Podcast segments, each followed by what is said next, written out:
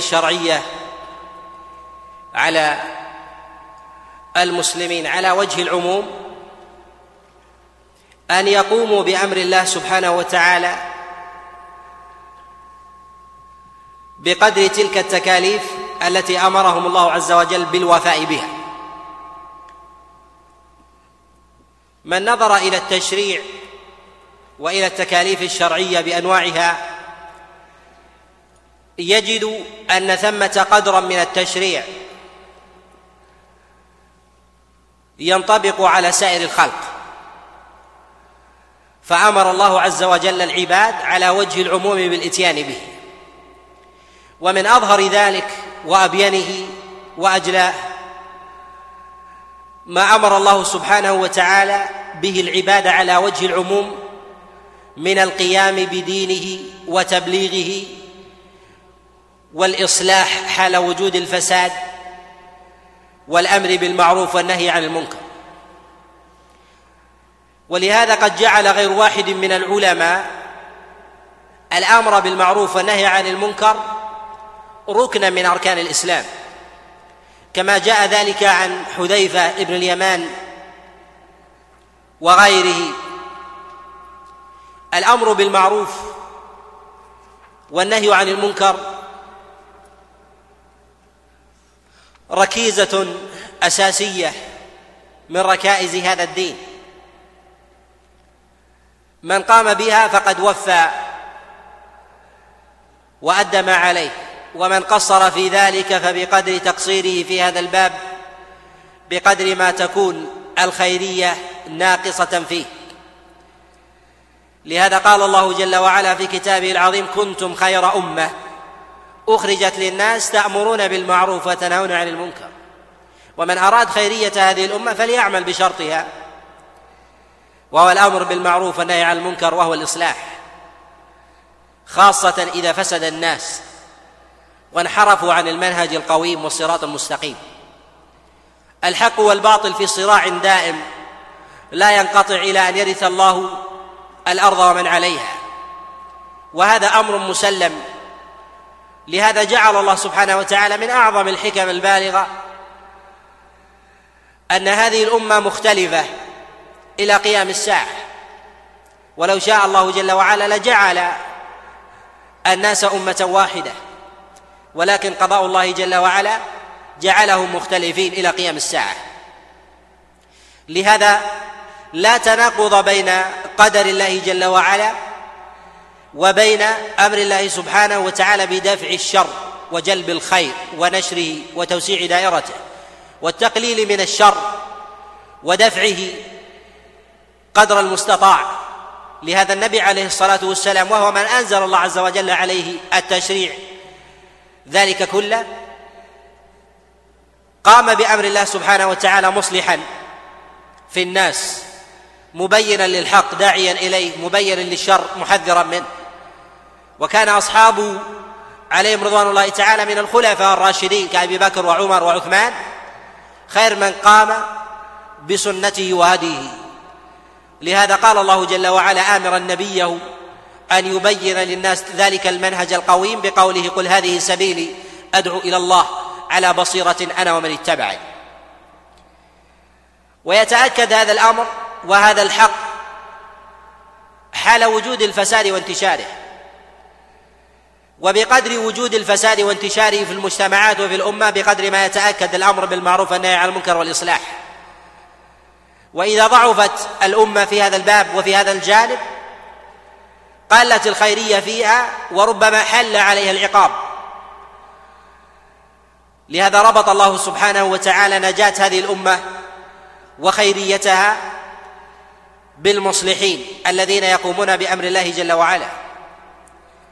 لهذا قال الله جل وعلا في كتابه العظيم وما كان ربك ليهلك القرى بظلم وأهلها مصلحون. أما الصالحون فلا يمنعون من نزول العقاب والعذاب. لهذا قال النبي عليه الصلاة والسلام لما سالته ام المؤمنين كما جاء في الصحيحين وغيرهما أنهلك وفينا الصالحون؟ قال نعم إذا كثر الخبث. بل جاء في حديث عائشة عليه رضوان الله تعالى وغيره ما يبين أن البداءة بأهل الصمت من أهل الصلاح أولى من أهل الفساد بعينهم لأن وجودهم بأعيانهم وأشخاصهم مع سكوت دليل على إقرار الباطل وصمت العامة.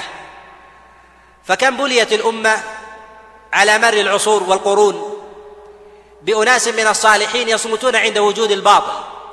وظهوره في الناس ويمسكون عن ذلك حينئذ يمسك العامة ويظنون أن ما ظهر وانتشر هو الحق بعينه وهو عين الضلال. والعقاب من الله سبحانه وتعالى لا ضابط له ولا حد. فعقوبة الله عز وجل متنوعة تحل بالأفراد وبالمجتمعات وبالأسر بصنوف الأذى والعقاب. وما من شيء من الأذى والأوباء والأدواء إلا وهي جنود من جنود الله جل وعلا يسلطها على من يشاء من عباده ويرفعها عن من يشاء. إن الأمة إذا انتشر فيها الشر وظهر فيها الشرك والبدع والفسوق والفجور ولم يكن في الأمة من يقوم بأمر الله والأمر بالمعروف والنهي عن المنكر فهي أمة ممحوقة البركة. قليلة الإيمان بل ربما كان ذلك علامة على عدم إيمانها كما جاء النبي عليه الصلاة والسلام في صحيح الإمام مسلم من حديث أبي سعيد الخدري قال عليه الصلاة والسلام من رأى منكم منكرا فليغيره بيده فإن لم يستطع فبلسانه فإن لم يستطع فبقلبه وما وراء ذلك من الإيمان حبة خردل. قال غير واحد من العلماء في قوله عليه الصلاة والسلام وما وراء ذلك من الإيمان حبة خردل؟ قال أن ذلك دليل على كفر الإنسان إذا أقر الباطل بقلبه ورضي به. فقد يكفر الإنسان بقلبه وجوارحه تعمل الإيمان لأنه رضي بالشر المحض المعروف أنه شر ضرورة بنصوص الكتاب والسنة. وقد يكره الخير الذي أنزله الله عز وجل بقلبه ويكره التشريع وينبذه وإن كان يعمله مجاملة فيكون حينئذ من جملة المنافقين والعياذ بالله. إن الأمة كما تقدم تتقلب في الصراع مع أهل الشر وأعظم ما يكون الشر خطرا حينما يكون من داخل الأمة وباطنها لأن الأدواء الظاهرة ترى بالعين إذا ظهرت على الأجساد. أما الأدواء الباطنة التي تخفى على الإنسان يصعب على الإنسان معرفتها وحينئذ يصعب عليه علاجها إلا من وفقه الله سبحانه وتعالى ممن كان بصيرا بمعرفة الداء ومعرفة الدواء. الأمة في هذا الزمن قد اجتمع عليها عدوان عدو من الداخل وعدو من الخارج. وضع كثير ممن تمسح بمسوح الوطنية والدعوة إلى التآلف تآلف المسلمين.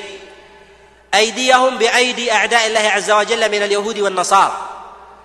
دعوا إلى تبديل شريعة الله بأنواع وصنوف من الدعوات متنوعة فكان كثير من المصلحين أشبه بالشياطين الخرس الذين سكتوا عن بيان الحق وإقامة دين الله عز وجل فضلا عن بيان الباطل بعينه ورده ورد تلك الشبهات التي يدعو إليها أرباب الباطل والفسوق والفجور. من نظر إلى هدي النبي عليه الصلاة والسلام في التعامل مع اعداء الله عز وجل في أنواع العداوة وجد أن هديه خير هدي وأن بيانه عليه الصلاة والسلام خير بيان وأنه عليه الصلاة والسلام حينما يتعامل بسياسة وحنكة وحكمة مع الأعداء بتنوع شخوصهم وأحوالهم. يعلم أن النبي عليه الصلاة والسلام كان على خير هدي إذ أن الله عز وجل دله وأرشده وما ينطق عن الهوى إن هو إلا وحي يوحى. من نظر إلى أحوال الأمة في عصرنا هذا يجد إن أعظم خطر على الأمة هو العدو الداخلي الذي تلبس بلباس النصح والتفاني بدلالة الأمة إلى الخير. ولكن حينما يكون الإنسان بصيرا بمنهج أعداء الأمة الذين قد وجدوا في عصر النبي عليه الصلاة والسلام من المنافقين الخلص الذين نزل فيهم القرآن وبين حالهم وبين النبي عليه الصلاة والسلام مكرهم وخديعتهم بل, بل باح النبي عليه الصلاة والسلام بأسمائهم لأقرب الناس إليه. من الصحابة عليهم رضوان الله تعالى كحذيفة بن اليمان يجد أن الأمة كلما قوي عدوها في الخارج كلما قوي عدوها في الداخل. وهذا أمر معلوم مشاهد بالحس معلوم بالنظر إلى النصوص من الكتاب والسنة. يعرف بالسبر بالنظر إلى حال الأمم والتاريخ وحال المجتمعات مهما اختلفت من جهة دعوتها أيا كانت سواء كانت باطلا أو حقا. ما دام لها أعداء. النبي عليه الصلاة والسلام حينما كان المنافقون وكان النبي عليه الصلاة والسلام في المدينة كان المنافقون يدعون إلى الباطل ولكن يدعون بصورة ماكرة يدعون إلى الباطل بصورة الخير بل برفع معالم الخير والدعوة إليه وتشييد صروح الإسلام. ولهذا المنافقون في عصر النبي عليه الصلاة والسلام شيدوا المساجد واتخذوا مسجدا ضرارا وكفرا وتفريقا بين المؤمنين. يبنون المساجد ويشيدونها ويريدون بذلك الإضرار والكفر بالأمة. وهذا عين العداء. إذا من أعظم وأخطر التلبيس على الأمة وخاصة على أهل الصلاح والعلم أن يقوم المنافقون الذين هم من أعظم الأدواء في جسد الأمة ينادون بالإصلاح وينادون إلى الخير والتفاني بمصلحة المجتمعات ومصلحة الأمة بتشييد صروح الإسلام وإقامة شريعة الله سبحانه وتعالى في الأرض والدعوة إلى تكالؤ إلى تكاتف المسلمين وجمع الكلمة والتآلف والترابط بين أطراف الأمة المترامي والتباكي على جراحات الأمة يمنة ويسرة وهم في ذلك يدعون إلى الباطل المحض. لهذا ذلك المسجد الذي قد بناه المنافقون بين الله عز وجل حاله أنه ضرارا بل كفرا مخرجا من الملة. وبين الله سبحانه وتعالى حاله أنه تفريقا بين المؤمنين وأنه ما أسس على التقوى. ثم بين الله عز وجل حال المنافقين وأنهم متفانين أيضا مع تفانيهم من جهة الجوارح وتشييدهم لتلك الصروح بأيديهم وظاهر وظاهر قولهم وفعلهم أنهم ما فعلوا ذلك إلا لأرضاء الله سبحانه وتعالى وإقامة شريعة الله في الأرض. أخبر الله عز وجل عنهم قال ولا يحلفن إن أردنا إلا الحسنى أن يقسمون ولا, يتك ولا, ولا يكتفون بمجرد الكلام بل يقسمون بالله سبحانه وتعالى أنهم ما أرادوا بذلك إلا إلا الإحسان والخير. والله يشهد إنهم لكاذبون. أعظم عداء للأمة وأعظم خطر حينما يتلفظ عدو الله سبحانه وتعالى من المنافقين أنه أراد بذلك خدمة الأمة وأراد بذلك تآلف المسلمين وجمع الكلمة وتوحيد شتاتهم ودحض العدو الخارج الأمة وهو ما أراد بذلك إلا تفريق المسلمين. الأمة أنزل الله عز وجل عليها أحوال أعدائها بصنوف العداء بل بصنوف أساليبهم ولكن الأمة بحاجة إلى تنظر إلى كلام الله سبحانه وتعالى وتتأمل إلى أحوال المنافقين كيف كان النبي عليه الصلاة والسلام معهم. الإشكال ليس في نصوص التشريع الإشكال في أن في الأمة فئام كثير ينتسبون إلى العلم والصلاح. ما نظروا إلى كلام الله سبحانه وتعالى وهديه وما نظروا إلى الآيات المحكمة البينة في التعامل مع عدو الأمة الداخل. المنافقين الذين عاثوا في الأمة فسادا. في بلدنا هذا وفي سائر بلدان المسلمين ثمة ما يسمون يسمون أنفسهم نخبا وطنيه أو مثقفين يدعون إلى الكفر الصريح يدعون إلى الإلحاد الظاهر البين عند سائر الشرائع والملل عند سائر الطوائف المبتدعة التي قد خرجت عن هدي النبي عليه الصلاة والسلام. دعوا إلى تبديل شريعة الله جل وعلا. وأن يضعوا أيديهم مع أعداء الملة والدين من اليهود والنصارى وغيرهم. دعوا إلى ذلك متشبثين متذرعين بتماسك الأمة. تشبثوا ببعض المجملات من نصوص التشريع التي دعت إلى السلم في مواضع كحال المنافقين ينظرون إلى المتشابه من القول من الكتاب والسنة ويدعون المحكم.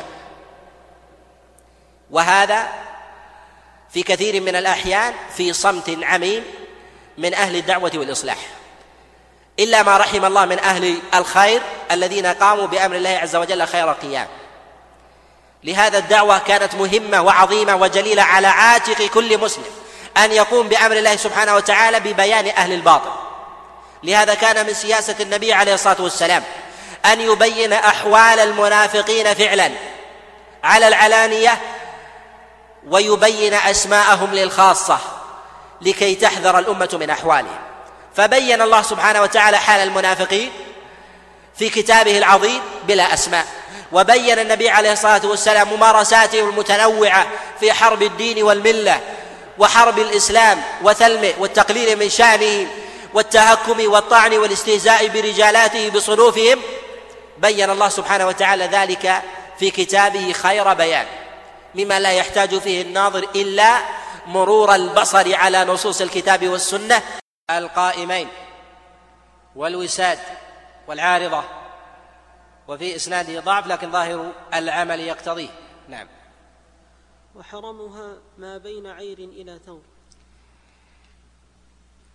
وحرم المدينة ما بين عير إلى ثور. وحرم مكة بنحو هذا القدر. وهي أعلام مرسومة مبينة جلية للداخل من جميع الجهات. وهذا الذي عليه جمهور أهل البلدان بالتحديد ولكن ثمة خلاف في بعض الأطراف. نعم. باب دخول مكة. نعم. يسن من أعلاها. يقول باب دخول مكة يسن من أعلاها أي من الثنية العليا لأنه فعل النبي عليه الصلاة والسلام كما جاء في الصحيحين من حديث نافع عن عبد الله ابن عمر عليه رضوان الله تعالى. النبي عليه الصلاة والسلام كان يدخل من الثنية العليا ويخرج من الثنية السفلى. وكان عبد الله بن عمر يفعل ذلك وروي كذلك عن عروة كما جاء في الصحيح. والثنية العليا اسمها كذا والسفلى اسمها كدي وهذا الأشهر. ويضبط بعض البلدان ذلك بقولهم ادخل وافتح يعني كذا. واخرج واضمم بضم الكاف. نعم. والمسجد والمسجد من باب بني شيبة. يقول والمسجد من باب بني شيبة. قد جاء النبي عليه الصلاة والسلام ذلك في المسند وغيره ولا يصح عنه عليه الصلاة والسلام. جاء عنه عليه الصلاة والسلام من حديث جابر ابن عبد الله وهو معلول نعم. فإذا رأى البيت رفع يديه وقال ما ورد. يقول فإذا رأى البيت رفع يديه. قبل ذلك ينبغي الكلام على مسائل مهمة في أثناء دخول المحرم. الحرم أو مقاربته لذلك. يشرع له أن يغتسل قبل دخوله مكة كما كان النبي عليه الصلاة والسلام يفعل ذلك. كما جاء في البخاري من حديث نافع عن عبد الله بن عمر أنه كان يقيم بذي طوى يبيت فيها فإذا أصبح اغتسل ودخل وكان وكان النبي عليه الصلاة والسلام يفعل ذلك. وهذا من السنن المهجورة التي يغفلها كثير من الناس ألا يغتسلوا عند دخول مكة.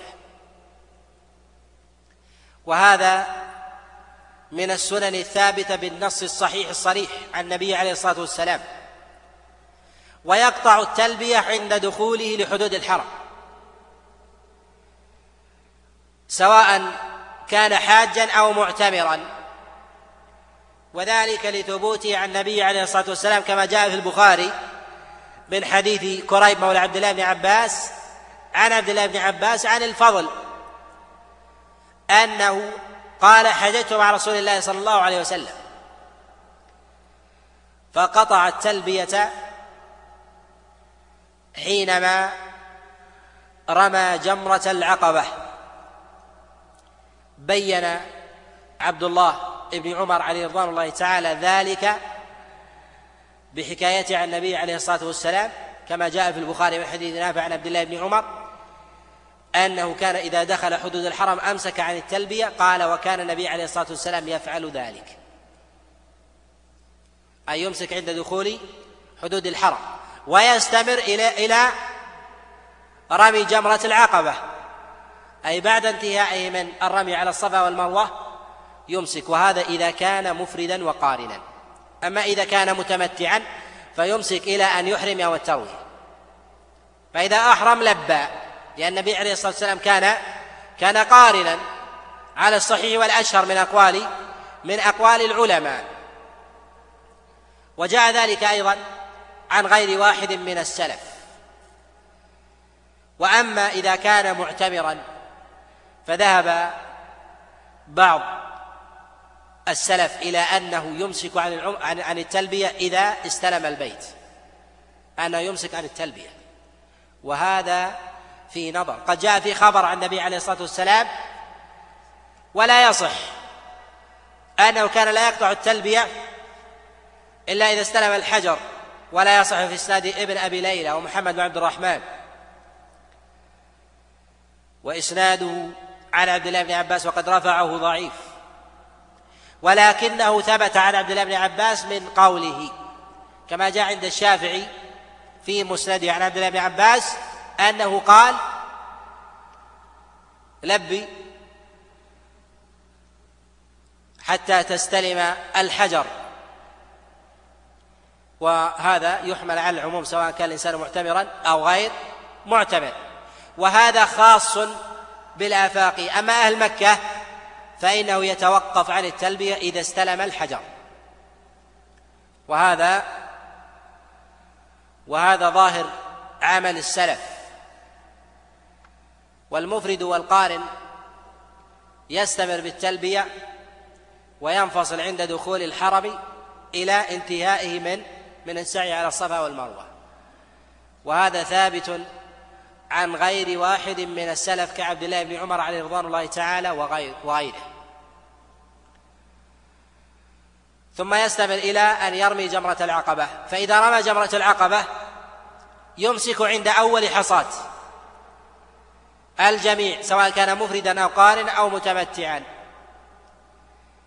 وهذا قول جمهور العلماء. وقال الإمام أحمد في رواية وقال مالك والشافعي وأبي حنيفة. وذهب الإمام أحمد في رواية وقال إسحاق بن راهوي إلى أنه يمسك عند آخر حصاة أي أنه يلبي مع كل حصاة واستدل بخبر ضعيف وخبر الفضل وفيه زيادة أنه قطع التلبية عند آخر حصاة فقد عل هذه الزيادة البيهقي عليه رحمة الله تعالى في كتابه السنة وكذلك ابن خزيمة في كتابه الصحيح. فإذا رأى البيت رفع يديه وقال ما ورد. يقول فإذا رأى البيت رفع يديه وقال ما ورد. إذا رأى البيت لا يشرع له أن يقول شيئا وإنما جاء النبي عليه الصلاة والسلام من الذكر عند دخول المسجد كما جاء في صحيح الإمام مسلم. أنه كان إذا دخل قال اللهم إني أسألك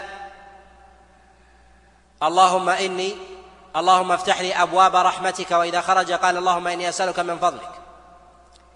وأما الزيادة على ذلك بالتسمية والصلاة على النبي عليه الصلاة والسلام فإنه لا يصح عنه عليه الصلاة والسلام. والنظر إلى البيت لا دليل على أنه عبادة. فذات النظر ليس من التعبد في شيء. وذهب بعض العلماء وهو قول الإمام مالك إلى أنه ينظر إليه حتى حال الصلاة. أنه لا ينظر إلى موضع موضع سجوده. وهذا لا دليل لا دليل عليه. وأما الأدعية التي أشار إليها المصنف فلا يثبت منها شيء. وهي مراسيل ومقاطيع. قد روى الشافعي في كتاب الأم من حديث ابن جريج عن النبي عليه الصلاة والسلام أنه كان إذا دخل البيت ورآه قال اللهم زد هذا البيت تشريفا وتعظيما وتكريما ومهابة إلى آخره ولا يصح وهو معضل. ولكن جاء عن عمر بن الخطاب عليه رضوان الله تعالى أنه كان إذا رأى البيت قال اللهم أنت السلام ومنك السلام وحينا ربنا بالسلام. قد روى البيهقي وغيره من حديث سعيد المسيب عن عمر. وأما النبي عليه الصلاة والسلام فلا يثبت عنه من ذلك شيء. والإشارة باليدين أو بالأصابع لا تصح أيضا. نعم. ثم يطوف مطبعا. يقول ثم يطوف مطبعا. أول ما يشرع الإنسان فيه عند بلوغه مكة إذا كان محرما أن يبتدئ بالطواف. وهذا سنة النبي عليه الصلاة والسلام. فكان أول ما يبتدئ به طوافه هو طواف القدوم. وطواف القدوم سنة عند جمهور العلماء خلافا لمالك فإنه قال بوجوبه وأوجب على من تركه دم. وطواف القدوم بالنسبة للقارن والمفرد. أما بالنسبة للمتمتع فهو طواف العمرة وهو ركن في حقه. ويبتدئ بالطواف من عند الحجر الأسود على قول عامة العلماء خلافا لبعض الفقهاء المتأخرين من أهل الرأي الذين قالوا أنه يستدير من أي شيء ابتدأ وهذا قول منكر. يبتدئ من عند الحجر مطبعا والاطباع أن يرمي بطرفي ردائه على الجهة اليسرى من كتفه ويظهر كتفه الأيمن. وقد جاء ذلك عن النبي عليه الصلاة والسلام في حديثين. عند الترمذي من حديث ابن يعلى عن أبيه وعند أبي داود من حديث سعيد بن جبير عن عبد الله بن عباس. والاطباع سنة عند جمهور العلماء خلافا لمالك فقال بعدم سنيته بل وصفه بالبدعة. وفي قوله نظر لوروده عن النبي عليه الصلاة والسلام. ويخرج من الاطباع والرمل اثنان. الأول المرأة فليس عليها طباع ولا رمل باتفاق العلماء. الثاني المحرم من مكة فلا يطبع ولا يرمي. نص عليه أحمد. وقاله عبد الله بن عمر عليه رضوان الله تعالى كما ثبت عنه من حديث نافع عن عبد الله بن عمر أنه قال ليس على من أهل من مكة رمل. وذلك أن النبي عليه الصلاة والسلام رمل واطبع وكان قد جاء من المدينة. وأهل مكة لا تظهر فيهم العلة والحكمة من الرمل والاطباع لأن فيه إغاظة للمشركين. فلما كان أصل العلة لا يأتي عليهم لأنهم ادعوا النبي عليه الصلاة والسلام قد وهنته يثرب أي المدينة. وليسوا هم وليسوا هم من أهل المدينة بل هم من مكة. فإذا أصل التعليل لا يجري عليهم. واعترض ذلك بقول عبد الله بن عمر عليه رضوان الله تعالى. وأهل مكة يخرجون عن الآفاقيين بأحكام.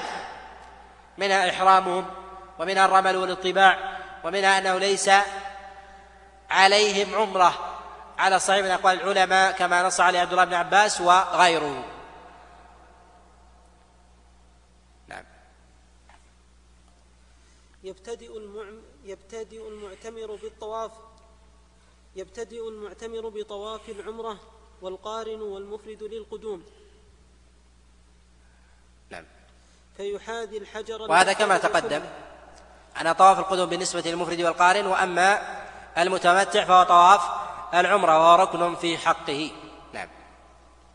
فيحاذي الحجر الأسود بكله. يقول يحاذي الحجر الأسود بكله يعني بجسده لا بطرف منه فيمد يده أو رداءه بل ينبغي أن يكون صوبه. ومعلوم أن الإنسان كلما دنا من الحجر كلما ضاقت المحاذاة.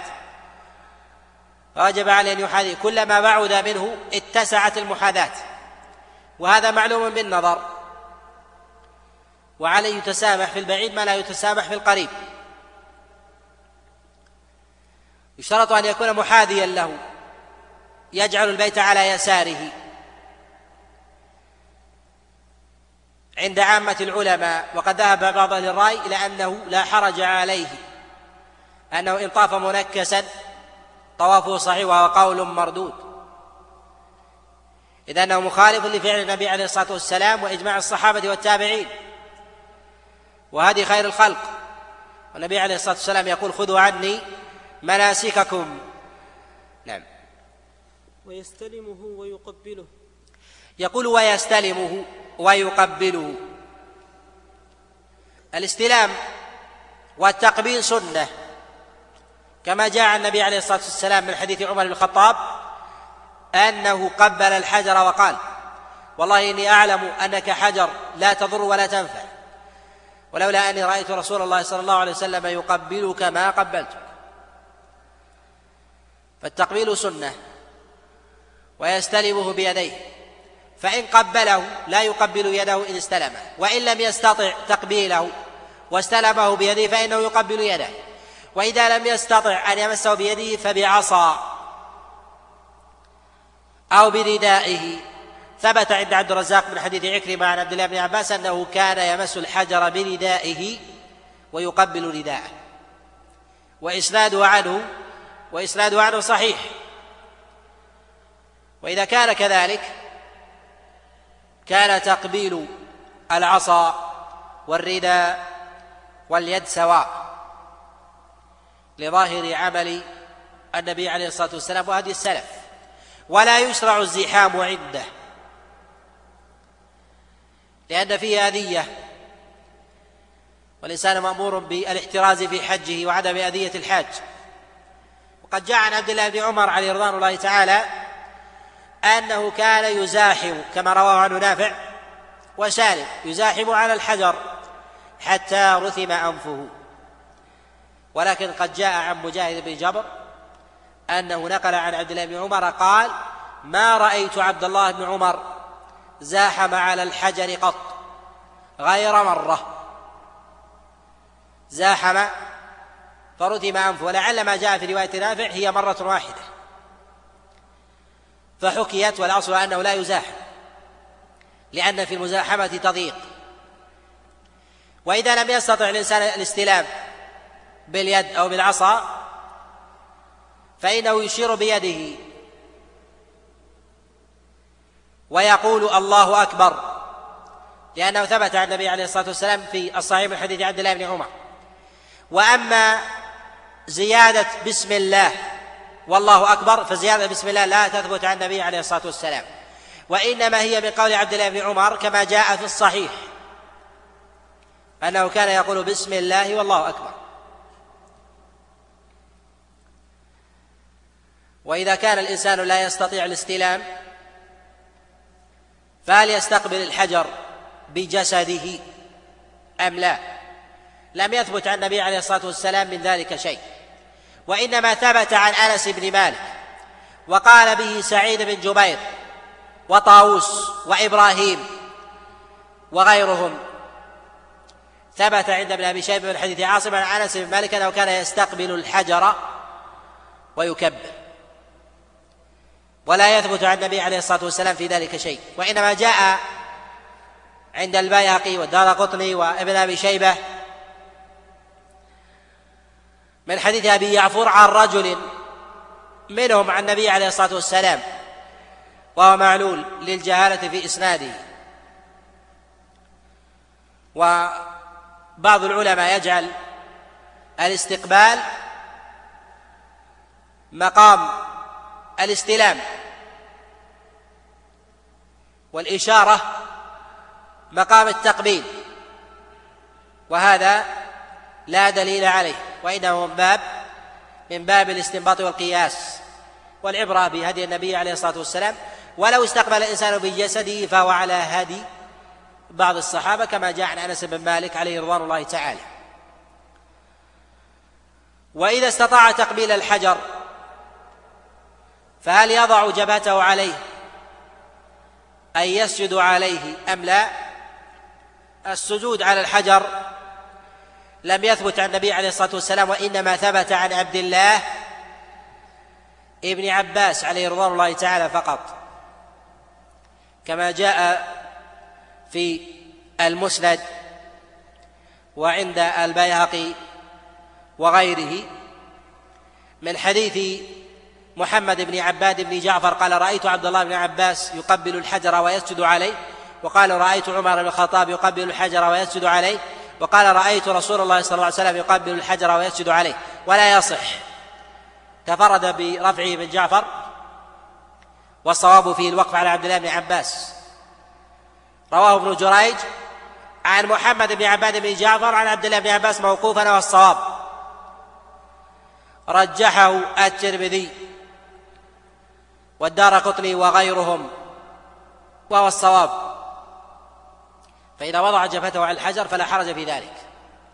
ويحترز الإنسان إذا كان على الحجر طيبا أن يمسه بجسده لأن محظورات الإحرام عليه. نعم.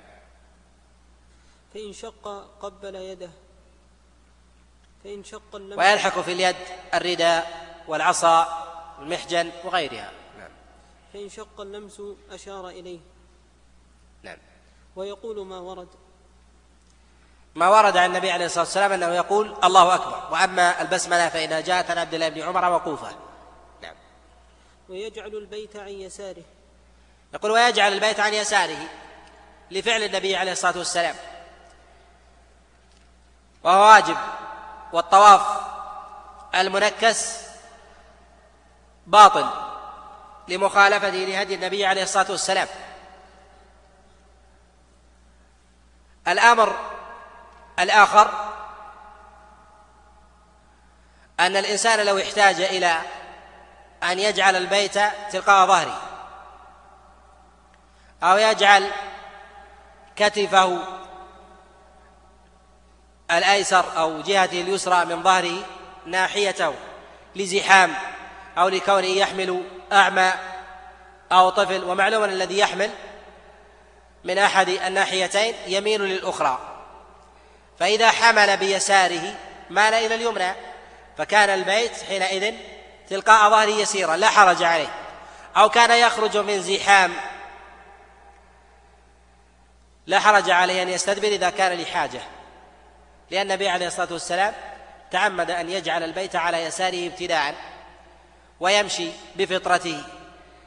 أما تعمد جعل البيت على اليسار وأن من التفت يسيرا أنه باطل أي الطواف فهذا قول فيه نظر.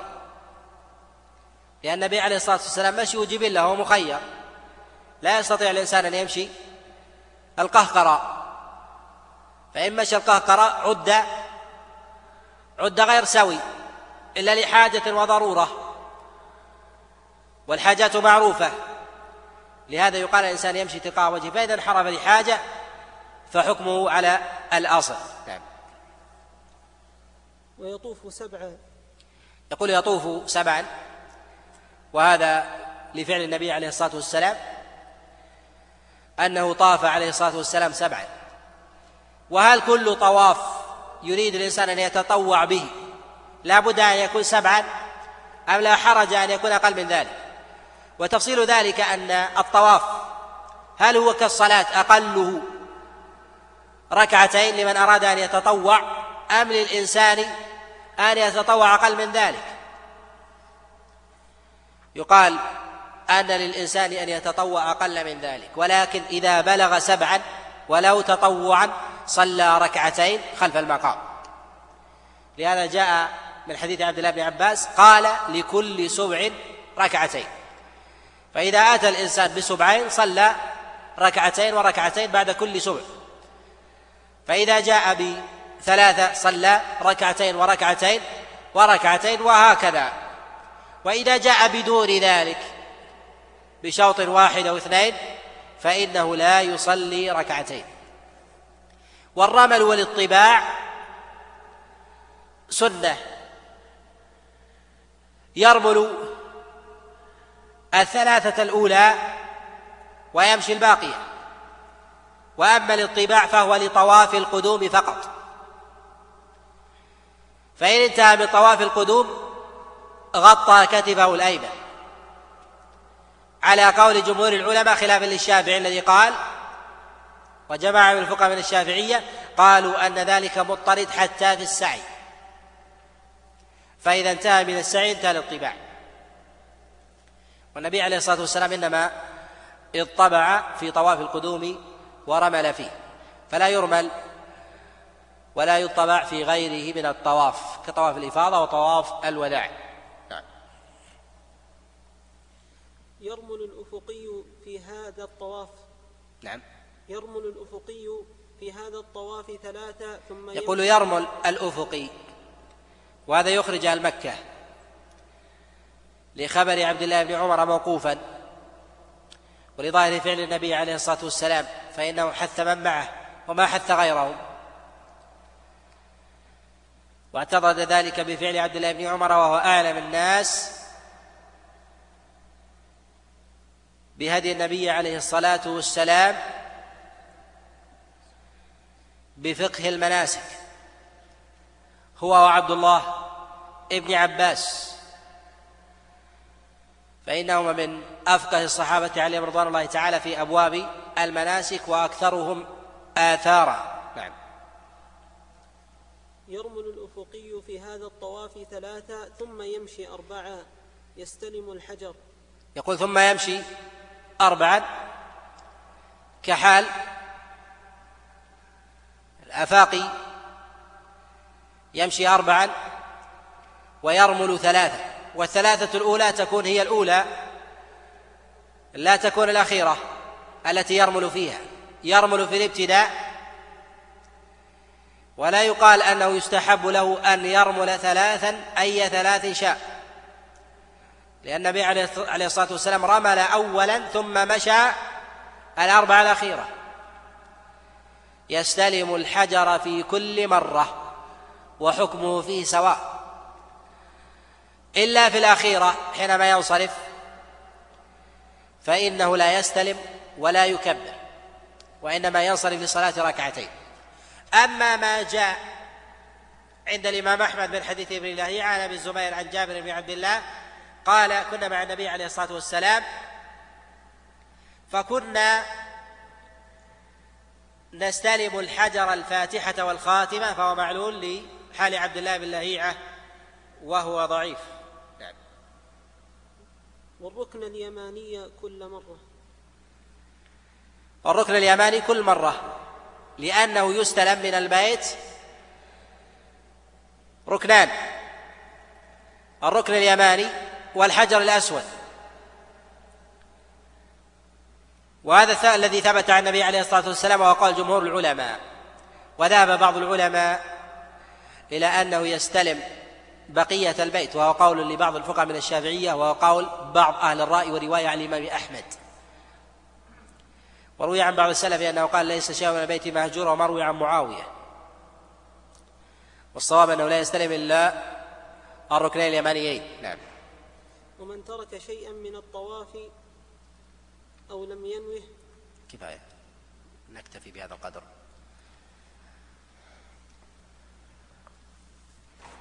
صلى الله وسلم وبارك على نبينا محمد. عجل الأسئلة. هذه